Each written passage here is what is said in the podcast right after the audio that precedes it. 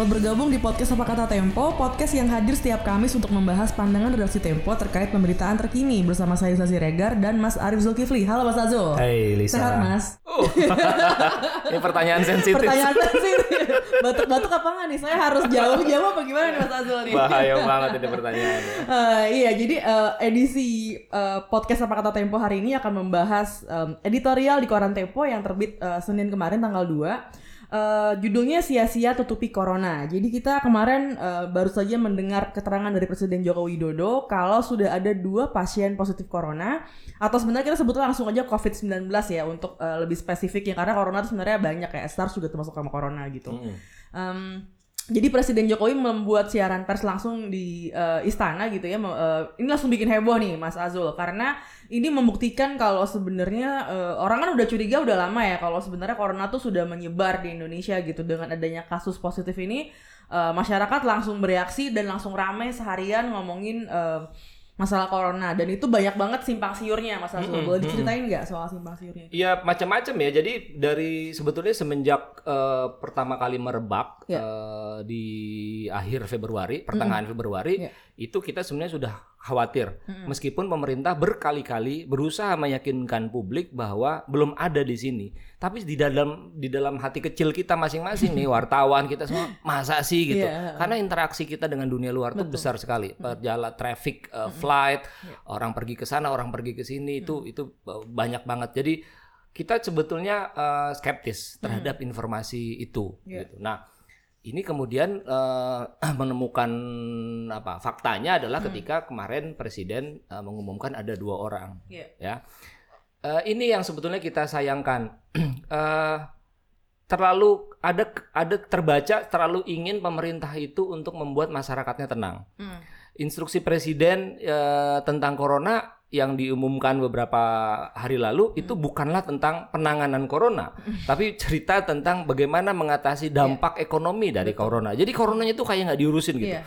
uh, biarin aja deh gitu. Uh, itu dan membuat marah banyak orang ya. Betul, Mas, ini ya, ini gitu kan? mengecewakan ya, mengecewakan sekali karena nggak ada prosedur protap yang disosialisasikan ke yeah. masyarakat. Kita lihat misalnya ini paling nggak dari video yang beredar di yeah. Ya. uh, WhatsApp misalnya begitu ya di berbagai platform media sosial. Hmm. Bagaimana pemerintah Singapura uh, apa namanya uh, membuat suatu aturan hmm. di masyarakatnya untuk uh, tidak berjabat tangan. Hmm. Itu kan clear tuh dari yeah. negara gitu ya. hmm. ya. Lalu kemudian uh, aparatur negara dalam hal ini adalah pelaksana kayak dinas kebersihannya yeah. itu mengelap seluruh uh, apa namanya uh, sarana publik yeah. yang mungkin dipegang gitu misalnya handle di di kereta, yeah. di mobil, uh, meja-meja di rumah sak ya di yeah. rumah makan itu semua di, di dirapihin gitu. Hmm. Dan jadi apa yang penting dari ini semua Lisa? Buat hmm. saya itu yang penting adalah kredibilitas pemerintah. Hmm. Karena kalau pemerintahnya nggak kredibel, ya. itu apa pun yang dikatakannya nggak akan dijalani sama masyarakat. Hmm. Hmm. Gitu. Jadi bayangin yang ya. kejadian di Depok ya, ya, kejadian di Depok yang dua orang disebut-sebut sebagai uh, korban dari yeah. Uh, terinfeksi lah, terinfeksi hmm. disebut gitu. Apa yang mesti dilakukan? Kan yang dilakukan melakukan tracebag, yeah. ya, tracebag dia ketemu hmm. siapa. Nah itu semua nggak bakal bisa dijalankan kalau masyarakatnya nggak hmm. uh, nggak percaya kepada pemerintah hmm. gitu.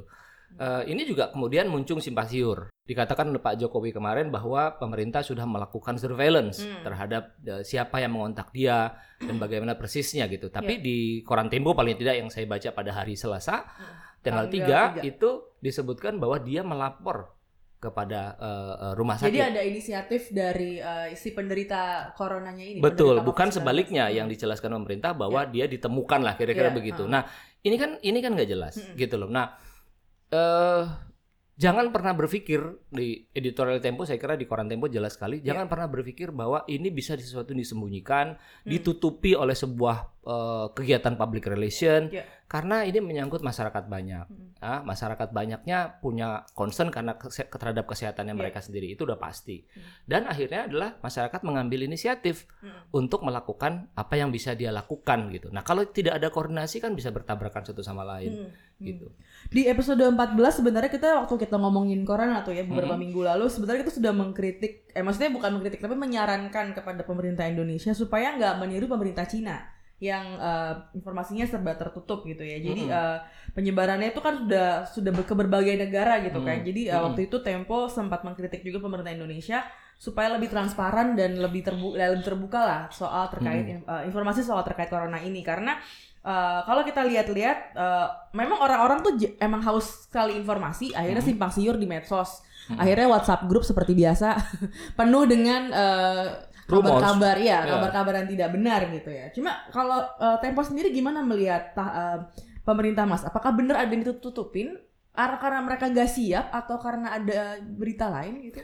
Kan kalau lihat dari berbagai macam pemberitaan ya. yang uh, paling tidak secara jurnalistik berusaha dibuktikan oleh para ya. wartawan, hmm. itu ada sejumlah uh, mereka yang uh, suspek uh, hmm. corona yang tidak diakui atau belum diakui sebagai orang yang dicurigai ya. atau bahkan positif uh, mengidap uh, virus ini. Ya.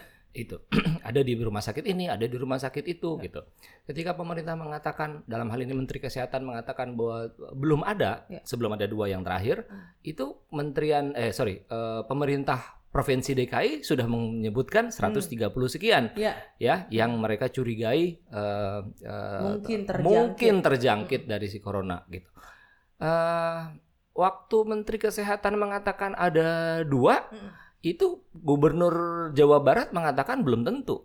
Hmm. gitu jadi jadi kan nggak sinkron yeah. ya bagaimana tidak sinkronnya pemerintah ini hmm. kita nggak bisa lagi atau tidak mau lagi mendengar bahwa ini ada uh, ya koordinasi kita belum baik nggak bisa udah gitu. saatnya udah ya, mas, bukan saatnya lagi menjelaskan gitu. kayak gitu nggak bukan saatnya lagi menenang nenangkan yeah. uh, publik dengan hmm. mengatakan bahwa ya ini kan lebih mematikan influenza hmm. hmm. cancer oh yeah. iya tentu yeah. saja angka-angka itu betul hmm. tapi ini mengancam hmm. gitu yeah. berapapun orang yang terjangkit ini menakutkan hmm. gitu nah jadi lakukanlah sesuatu untuk membuat orang Hmm. menjadi tenang, hmm. tapi pada saat yang sama juga membuat sebuah langkah-langkah protap ya. yang bisa membantu masyarakat untuk um, apa menjalani ini semua gitu loh. Hmm. hmm, hmm.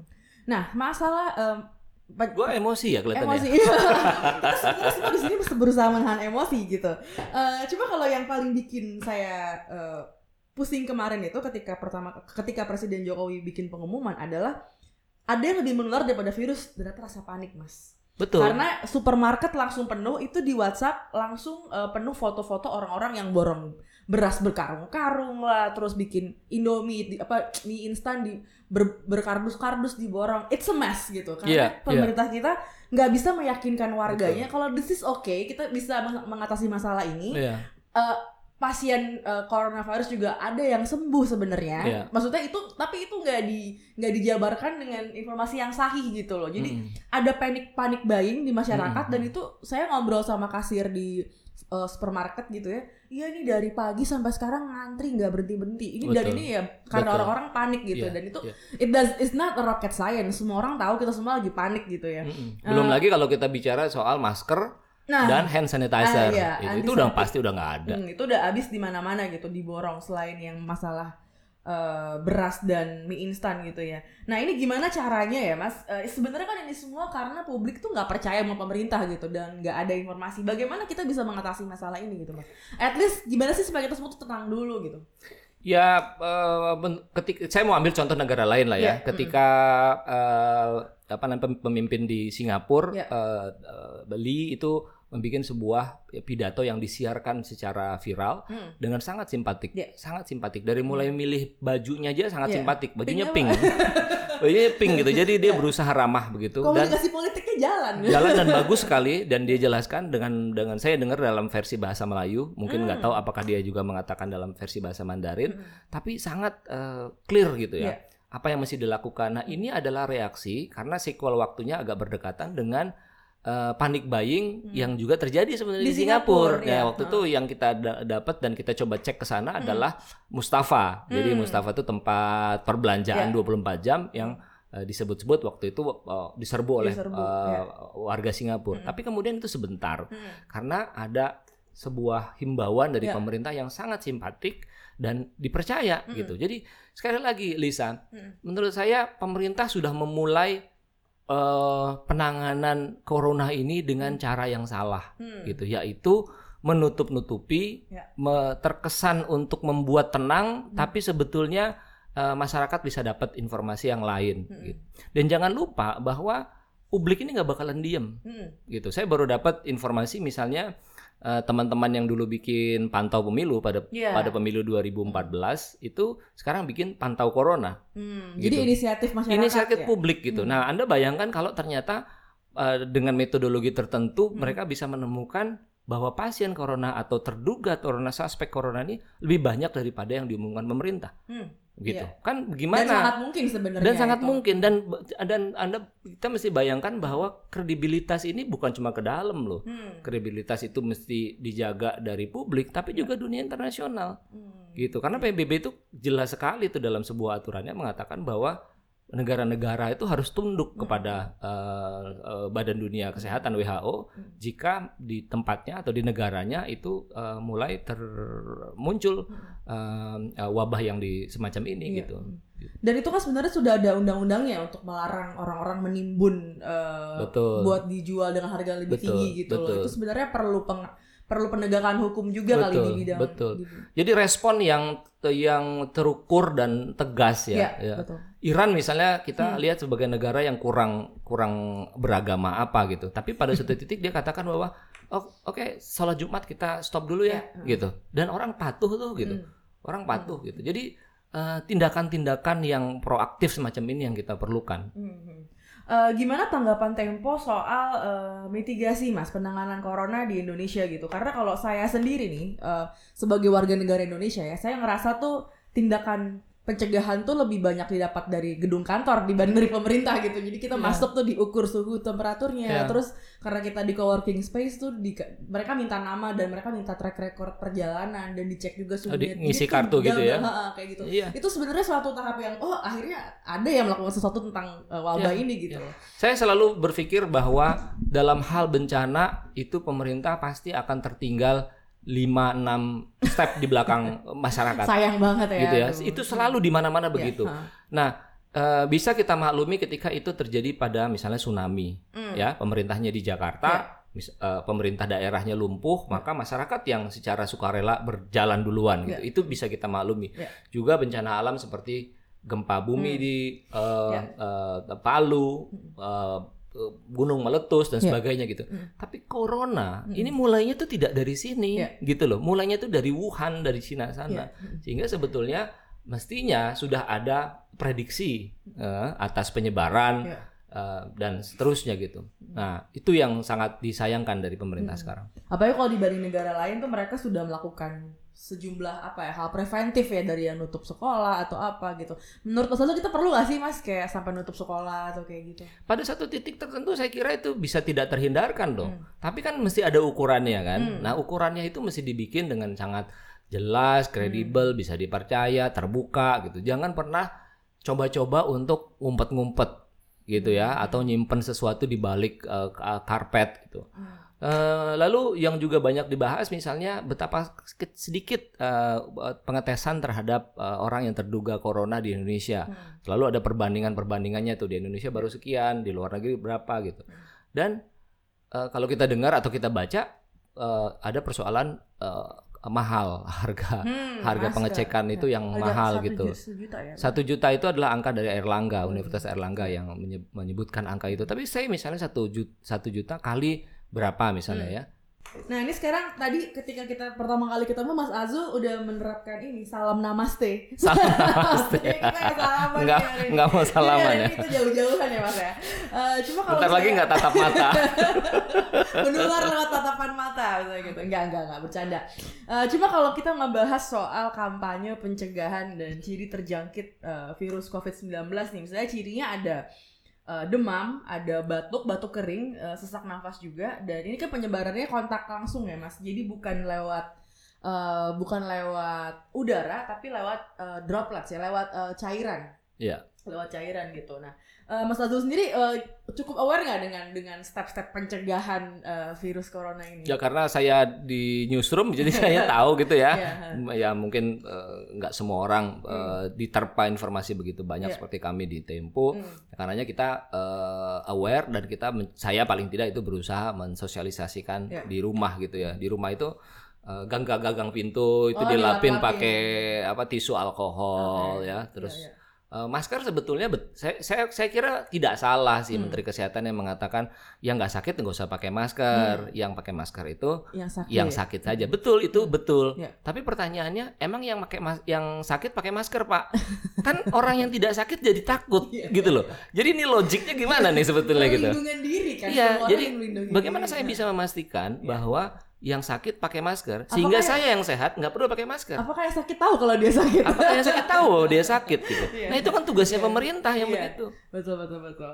Eh, terakhir mungkin aku mau nanya-nanya soal ini sih. Eh, dulu kan waktu kita ada wabah yang besar itu kan SARS di tahun 2002 ya. Mungkin eh, media tuh belum seperti sekarang mas, belum ada media media sosial tuh nggak kayak sekarang. Ketika semua orang tuh eh, terekspos informasi 24 jam. Pokoknya mereka buka handphone, mereka buka Twitter, mereka udah bisa baca sesuatu tentang eh, tentang wabah ini gitu loh. Hmm. Jadi ketika eh, coronavirus COVID-19 ini muncul, kita tuh kayaknya emang lebih apa ya rasa takutnya itu lebih menjadi-jadi gitu loh. Iya. Mas Azul sendiri sebagai uh, pekerja di bidang media gitu, sempat ngerasa ini gak sih kayak uh, wah ini le- level paniknya memang beda dan apakah ada pendekatan peliputan yang beda juga gitu? Ya, kalau di flu burung atau SARS Ya. itu kan tidak ada satu contoh di negara lain yang Hmm. sedemikian dramatis seperti yang terjadi pada eh, COVID-19. Betul. Ya, Hmm. kita mulai kita dapat informasi itu kan di awal Januari 2000 Tahun baru banget. 2020 tahun Iya. baru banget bahwa eh, Cina menutup kotanya Iya. ya ada beredar video eh, apa airportnya kemudian jadi kosong sama Iya. sekali dan waktu itu kita masih meraba-raba apa yang terjadi Iya. gitu Mm-mm. jadi ke- eh, ada contoh yang dramatis gitu Iya. sehingga dan ini sudah bisa ditularkan dari orang ke orang beda dengan Hmm. kamu cerita Iya. bisa cerita Iya. eh, swine flu gitu Iya.